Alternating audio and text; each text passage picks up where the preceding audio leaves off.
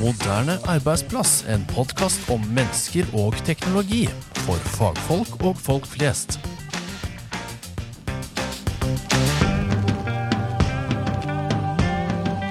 Hei og velkommen til en ny episode av podkasten Moderne arbeidsplass. Mitt navn er Bob Neland, og med meg i dag, også fra Expend, så har jeg Bjørn, som skal bidra til den gode samtalen. Hei, Bjørn.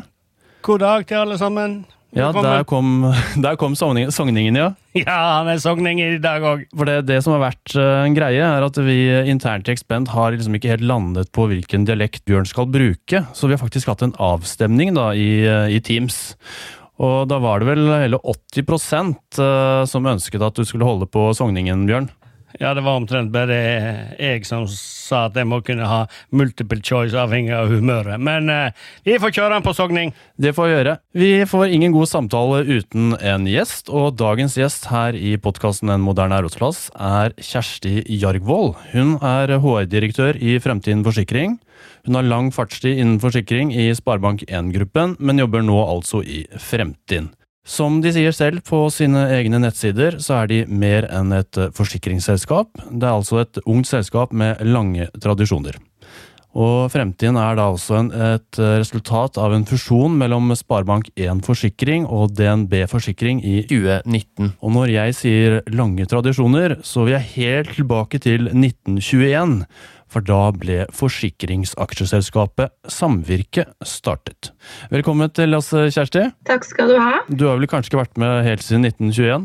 Jeg har ikke vært med helt siden 1921, men jeg gleder meg jo til å være med og feire 100-årsjubileum i år. da. For selv om vi er et uh, nytt selskap, så skal vi jo feire jubileum. Det er bra. Den neste halvtimen skal vi snakke mye om jobb uh, og ditt uh, fag, men først så er det vel litt trivelig å høre om hva du gjør når du ikke er på jobb? Ja, jeg kjenner jo når jeg får sånne spørsmål at dette 2021-svaret er litt annerledes enn kanskje 2019-svaret ville vært. ja. Hvor i 2019 mer fokus på ut og spise, ha gjester, altså mer den sosiale biten. Mm. Mens nå blir det mer hytte, fjellturer, de introverte tingene som man dyrker litt mer, da. Så 2020 har vært et år for de introverte aktivitetene? Definitivt. Og så liker jeg jo godt å gå på turer i fjellet, og selv om vi har hytte, så er ikke jeg den som kanskje er mest glad i å gå på ski, da. Så jeg pleier å si at jeg øver meg på å gå på ski, og så får vi se hvordan det går framover. Har du gått over på feller, eller er det fortsatt smøring? Eh, feller. Det er feller, ja. ja. Da har du et ja. godt utgangspunkt for å kunne, kunne, like det. Definitivt. Du kan si det sånn, feller er veldig viktig, Kjersti, men, men ingenting slår et par eh, nypreppa ski med blåsviks når det er før er inne. Nå er jo jeg kollega med tidligere landslagssjef i langrenn, eh, Vidar Løfshus, så vi har noen diskusjoner på dette. Ja, ja, stemmer det. da, da, skal ikke jeg bryte inn i den diskusjonen. Da har du, har du ganske god backup, som du har. ja, han, eh, Da har dere sikkert snart også en egen smørebuss eh, i Fremtiden-garasjen, vil jeg tro. Vi skal snakke om mye spennende i dag, men som seg hør og bør, så har jo vi et startspørsmål her i podkasten. Og da lurer vi på hva er den moderne arbeidsplassen for deg, Kjersti? Altså jeg vil kanskje heller si liksom, morgendagens arbeidsplass. Ja, for mm. vi i Fremtiden vi snakker veldig mye om det å være morgendagens uh, selskap.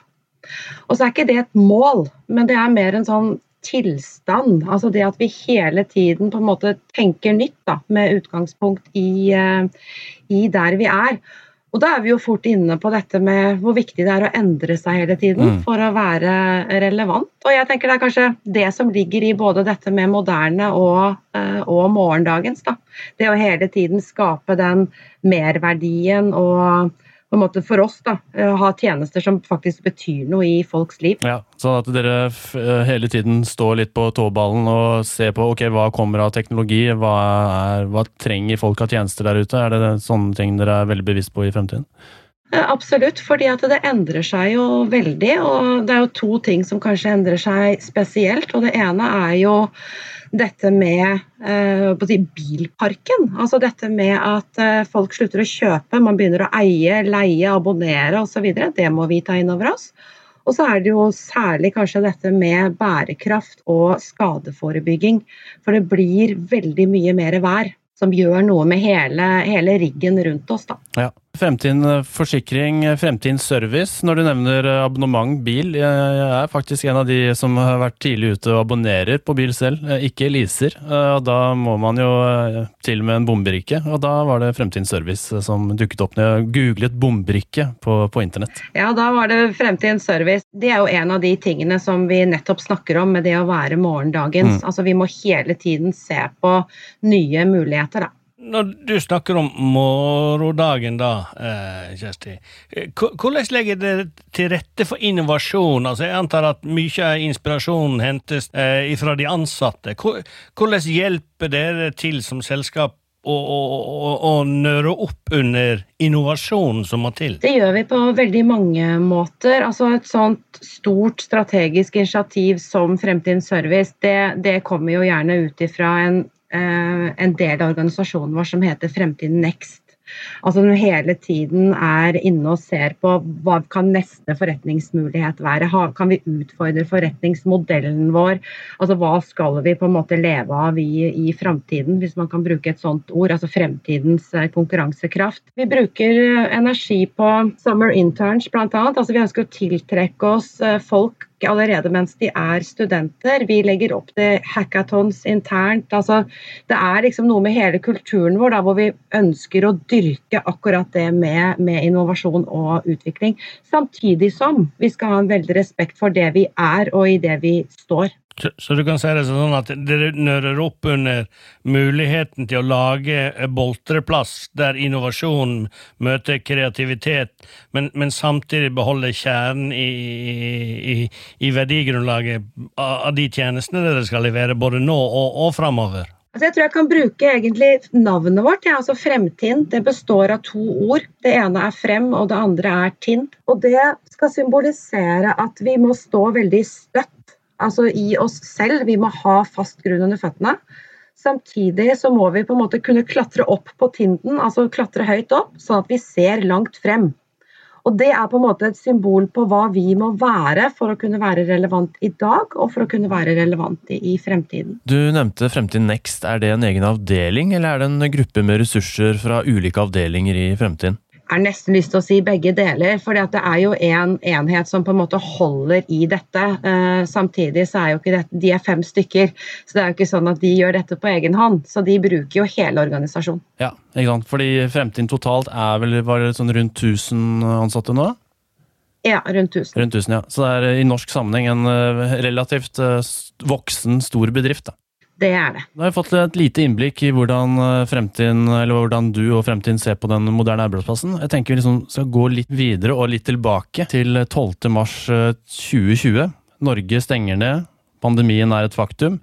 Og hva skjer egentlig hos eh, Fremtiden da? Vi var litt forberedt, vi, i, når vi var i mars 2020. Og jeg, jeg, vet ikke om det er riktig å si at vi var heldige, men vi hadde et smittetilfelle i et søsterselskap allerede i februar.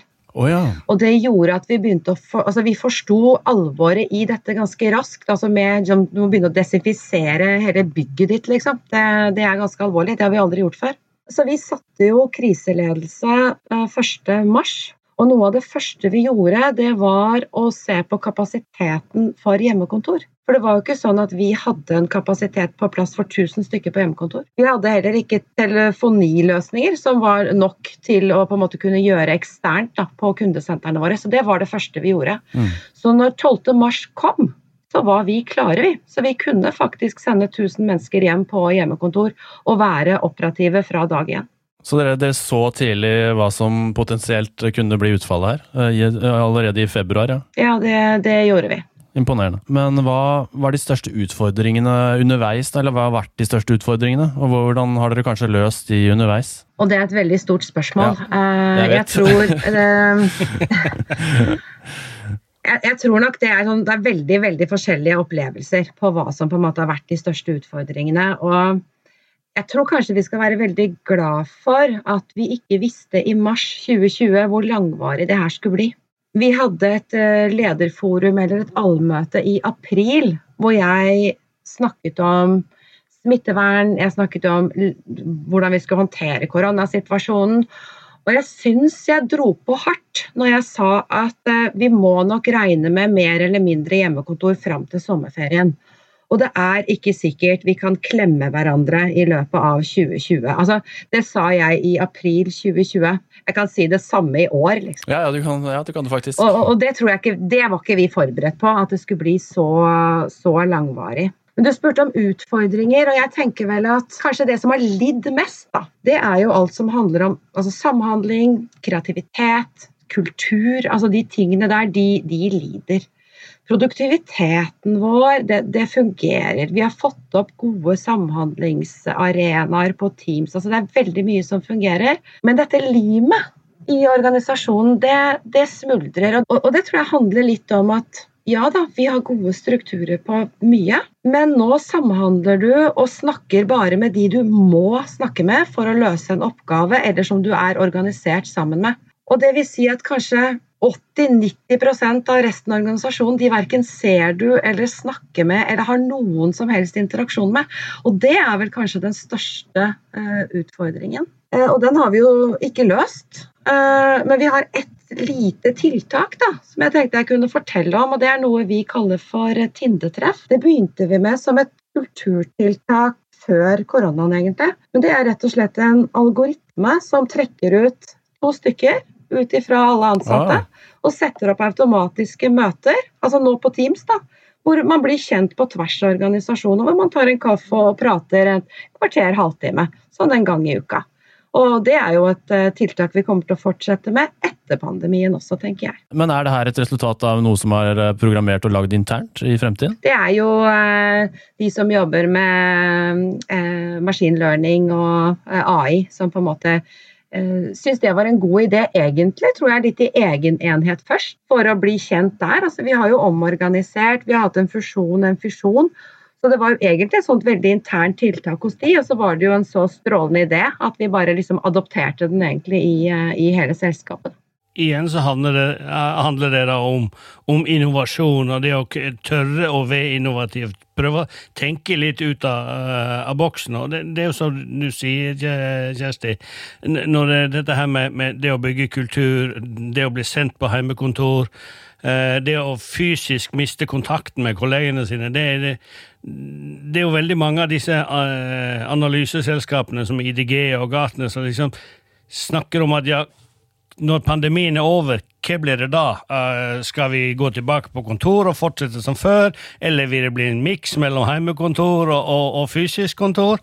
Og det, det å tenke innovativt rundt akkurat det, hvordan skal man bygge en kultur der man er mer eh, fysisk fraværende, men, men, digitalt til stede, det blir nok en, en av de store, tror jeg. Eh, nøttene å knekke, og det kommer mange forslag hvordan håndtere det, men det tror jeg er helt rett som du sier. Det kommer til å bli en av de største og de viktigste nøttene å knekke.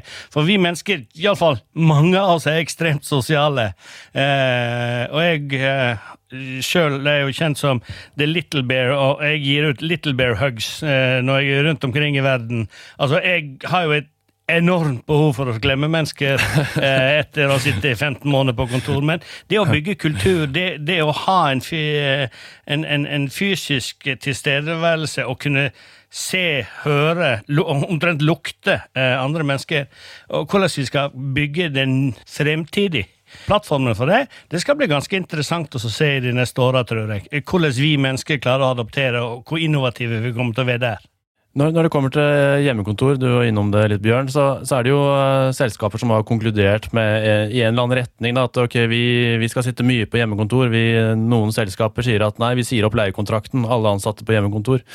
Men uh, hvordan er det i fremtiden? Vi er vel der at vi foreløpig sier at vi har tid til å gjøre kloke valg. Vi skal ikke ta for mange konklusjoner for tidlig. Og så er ikke det noe vi har funnet på helt selv. Vi har jo vært i dialog med andre rundt oss, vi har vært i dialog med Sintef. Og vi ble litt sånn oppmerksom på at all den erfaringen som vi har selv, eh, all den erfaringen som nå altså ny forskning kommer med, alt det er basert på ting vi har opplevd i en unntakstilstand. Og ting vi har opplevd mens vi har vært pålagt hjemmekontor.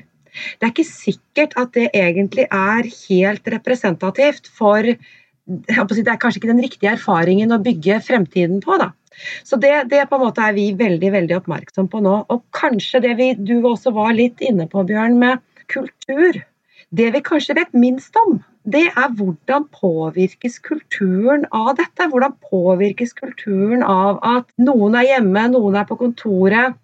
Den fysiske samhandlingen blir ikke like intens da, som det den kanskje var tidligere. Og Det er en ganske sånn spennende sak, for det er mye du vi har lært at vi nå kan håndtere digitalt.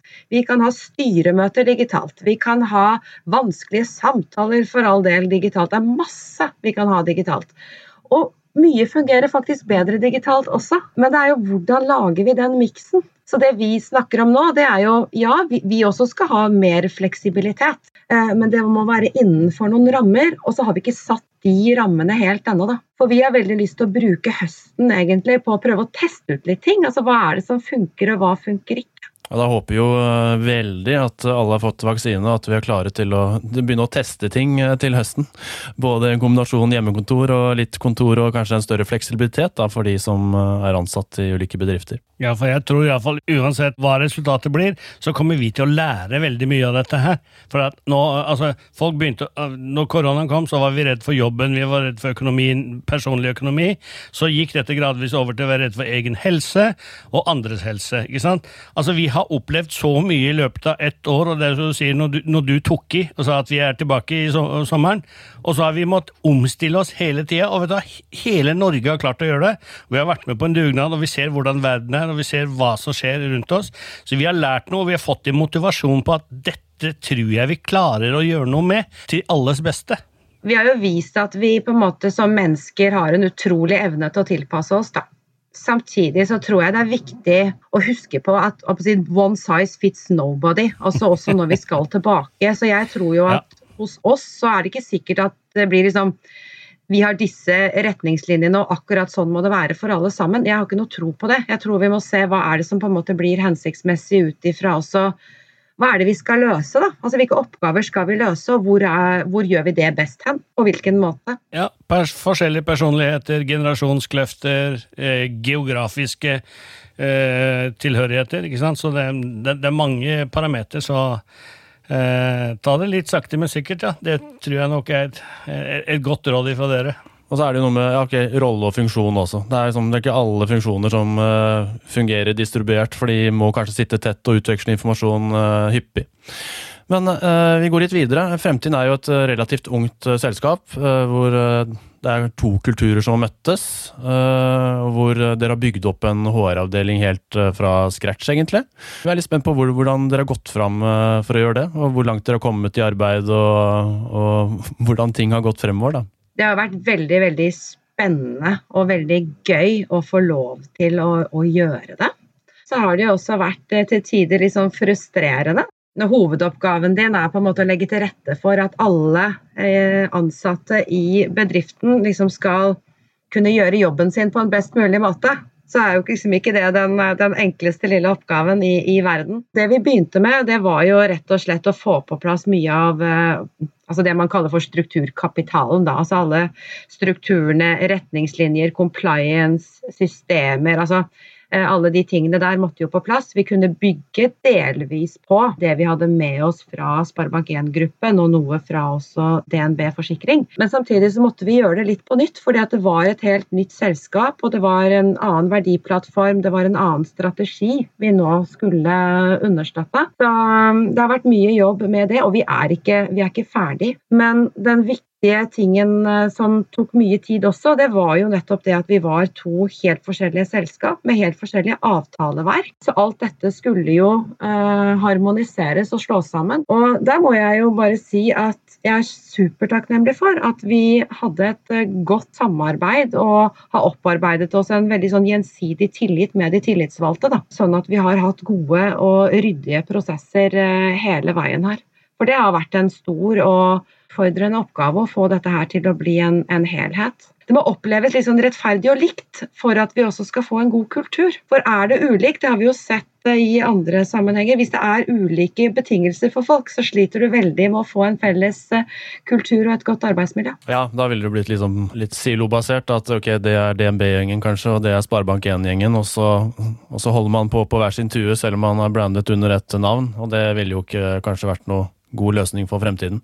Og det ser jo vi, Bob, i det bransjen vi lever i, altså IT-bransjen. Så er det jo ofte sånn i veldig veldig mange selskaper, iallfall alle som har blitt eh, oppkjøpt og fusjonert, så, så er jo det der. Og det skaper aldri den helt gode kulturen. Nei, og så er det jo innad i bedrifter så er det jo fort at det kanskje også blir silobasert sånn avdelingsvis. Så det handler jo om å også kanskje eh, dra avdelinger inn i hverandres avdelinger og lage tverrfaglige team som fungerer og som, eh, som får ut en funksjon. Da. Og det er klart at der har jo ikke koronasituasjonen hjulpet eh, spesielt godt til. Vi hadde jo et veldig fokus på dette med å bygge felles kultur i starten, og det aller første liksom, symbolet vi egentlig lagde, det var når vi ble ett selskap, så satt vi jo på to forskjellige lokasjoner. De som kom fra DNB Forsikring, satt i Bjørvika, og de som kom fra Sparebank1, satt i Amersborggata. Men liksom samme dag da, så fikk liksom alle samme liksom sånn bånd til å ha adgangskortet sitt i, som da var med sterk gul farge, og det sto fremtiden på det. Altså Det er en liten ting, men allikevel så er jo det noe som skaper at du er en del av en ny eh, helhet. da. Ja, ikke sant. For da istedenfor at det sto da DNB eller uh, Sparebank1, og de fortsatt var i silo, så var det det båndet som ok, identifiserte den enkelte til å være under samme paraply. Det er en eh, smart, eh, smart mm. lite grep. Eh, jeg har også notert her at dere har hatt fokus på strategisk kompetanse. Kan du si noe rundt det? Ja, Vi har hatt veldig fokus på det. fordi vi er jo en kompetansetung selskap. Når vi også da starter opp eh, et helt nytt selskap med en ny strategi, så er det jo viktig å vite hva slags kompetanse er det også vi trenger framover. Så vi har brukt mye tid på å definere hva skal basiskompetansen være hos oss, hvordan skal vi tilegne oss den? Altså, det er jo mye snakk om ulike læringsstrategier, da. det har vi hatt mye fokus på. Eh, og nå holder vi på å definere hva skal liksom være de viktigste strategiske kompetansene som vi skal liksom bygge hele kompetanseutviklingen vår, eh, vår, rundt. Og det handler jo eh, ikke bare om kompetansebygging, men det handler jo om hvordan det spiller sammen med bemanningsutviklingen din. Fordi det handler jo om ikke kanskje alltid hvor mange hoder du har, men hvilken kompetanse har, har, du i de hodene, og hvordan forvalter du og utvikler den framover. Og Da kommer vi også fort inn på dette med, eh, med å si, utvikle selv eller å rekruttere. Og du er jo nødt til å gjøre litt, eh, litt begge deler. Og det er Særlig innenfor teknologi, data osv. Så, videre, så er det jo et kjempekonkurranse der ute. Altså det, alle er jo ute etter akkurat egentlig de samme kodene. Og hvordan differensierer du deg da? Og det er jo det vi også forsøker å gjøre med en veldig sånn, kall det grønn profil. Da. Og hvor vi er veldig opptatt av dette med eh, skadeforebygging, særlig på eh, værrelaterte skader nå. Fordi at Der må vi liksom som samfunn jobbe sammen med å, å forebygge. For det er ikke noe forsikringsselskap eller den enkelte mann i gata kan, kan jobbe med. Dette må jo eh, hver og en av oss, eh, forsikringsselskapene, myndighetene, alle på en måte jobbe, jobbe sammen om det. Hva er deres styrker da, for å liksom, tiltrekke seg de rette hodene? For det første så er det jo at vi nå også er opptatt av å skaffe oss kompetanse som vi kanskje aldri har hatt i forsikringsbransjen før. Altså Nå er vi liksom ute og skal ha eksperter på liksom språkteknologi, eh, som da kan utnytte data, altså mer i prosatekst. Mm. Altså Tidligere så har jo altså Forsikringsbransjen er jo full av tall. Ja. Uh, mens nå begynner vi å bruke mer prosaen, altså hva kundene spør om, hva kundene på en måte klager på. altså Alle de innspillene som kommer der. og Da trenger vi helt annen kompetanse og en helt annen uh, teknologi for å kunne gjøre det. Så jeg tror bevisstheten rundt det kanskje er uh, det første steget. og så er det jo at vi har definert hva er det vi tror i hvert fall at vi da kan differensiere oss på. Og da har vi jo hatt et samarbeid med uh, Universum for å få opp det som vi kaller for medarbeiderløftet. Og det medarbeiderløftet går jo på at vi faktisk snakker høyt om at vi har et samfunnsoppdrag, og at vi er opptatt av å bruke stemmen vår til å påvirke samfunnet rundt oss. Mm. Sånn at vi får et mer bærekraftig samfunn. Vi har fokus på eh, i kommunikasjonen at vi tror liksom på veldig sånn kraften i fellesskapet også internt. Da. At eh, hva slags selskap er fremtid? Jo, det er for de som er modige og nysgjerrige, og som har lyst til å jobbe sammen med, med andre for å få til ting. Og så er det jo at vi ønsker også å fokusere på det å på en måte være i forkant og være, være i tet. Da. Og da kommuniserer vi rundt at vi eh, utfordrer på etablerte sannheter, at vi er dette, som jeg sa i stad, morgendagens selskap. Altså at vi hele tiden da vurderer å se på nye tjenester og at vi utvikler på en måte både oss selv og, og, virksomheten og samfunnet. For alle de tingene der er ganske viktig for eh, de som er ute og søker jobb i dag. Ja, ja absolutt. Det virker som et veldig, veldig riktig, en god eh, og riktig pakke da, å kunne tilby i tillegg til en interessant eh, stilling og arbeidshverdag for å være attraktiv. Men det som er viktig der, det er jo at det er sant. Altså, fordi at hvis du skal gå ut med å være såpass bastant og såpass høylytt på disse budskapene her, så må det også være gjenkjennbart internt. For ellers så faller dette sammen. Så det er liksom noe med den derre sannheten i det da, som vi er nødt til å, å bære og kunne stå i over tid. Absolutt. Eh, tiden eh, går eh, når vi har det så trivelig som vi har det nå. Men jeg har lyst til å bare, før vi runder helt av, bare høre hvordan bygger dere kompetanse for de hodene dere allerede har? Kompetanseprogram rundt det. Hvordan har dere gjort det der? Vi er liksom midt i det arbeidet nå, på hvordan vi skal gjøre det. Men vi, hvis vi ser på lederutvikling f.eks., så har vi jo flere programmer på det ut ifra hva slags type leder du er, altså hvor du står hen i, i det løpet. Så vi holder på akkurat nå i mai å pilotere et uh, utviklingsprogram for helt nye ledere i fremtiden. Og det betyr ikke at det er nye ledere, men det betyr at de er nye hos oss. Ja, ikke sant? Uh, for det er jo en egen, på en måte, en, en egen kompetanse da, å være leder i, i fremtiden. Eller så er det jo en kombinasjon altså Vi bruker mye e-læring hos oss, og det er jo også, også, i koronasituasjonen så skyter jo det fart, selvfølgelig. Men det er mer den type ting, og vi har mer en filosofi om on the job Uh, training enn at vi skal sende veldig mange på, på, kurs hele tiden. Når dere sier lederutdanning, da, f.eks. i den tida vi er nå, da, uh, så er det jo en del som sitter hjemme. Hvordan har dere trent lederne deres i å håndtere eh, fjernledelse? For det, det, må jo ha oppstått nå? Eller det er jo en del som snakker om det? Ja og nei. Uh, for vi har Det er veldig mange som egentlig uh, sier at uh, ja, men egentlig, når jeg utøver ledelse i dag, så gjør jeg kanskje bare mer av noe, og så gjør jeg mindre av andre ting. Så det vi kanskje har vært Vi har ikke trent i så mye, men vi har vært veldig fokusert på dette med å være tett på. Det å ha en god dialog. Det å på en måte være der for mm. folk. da. At ja. eh, Det på en måte er viktig i denne situasjonen, mer enn kanskje å følge opp og telle og kontrollere og den type ting. Så det vi mm. snakker om, er jo mer den tillitsbaserte biten av, eh, av lederskapet. Mm. Og at nå teller vi ikke timer, det er ikke viktig. Altså Folk har hjemmekontor med barn i utallige rare karantenesituasjoner. Altså ventekarantene, hvem hadde hørt om det? Eh, så, så, det handler liksom ikke om det akkurat Nei. nå. Nå handler det om å være der for folk og på en måte hjelpe dem så godt de kan i den situasjonen hver og en står i. Så det er det vi har hatt fokus på. Ja, ja men det er en fin vinkling, det. Veldig bra. Men da har vi kommet til veis ende, vi, i nok en episode av eh, Moderne arbeidsplass. Tusen takk, Kjersti, for at du hadde mulighet til å være med her. Det var hyggelig å bli invitert. Men sånn avslutningsvis, er det noe du ønsker å oppsummere med? Ja, altså, nå har vi jo snakka ganske mye om denne koronasituasjonen og på en måte alt som måtte til for å på en måte kunne håndtere den. Og da tror jeg ikke vi skal undervurdere det som vi har foran oss nå, når vi skal tilbakeføres til arbeidsplassen. For hvordan vil det påvirke folk? Eh, folk har veldig forskjellige oppfatninger og forskjellige opplevelser nå. Og da vil jo også det å komme tilbake igjen være veldig forskjellig for folk.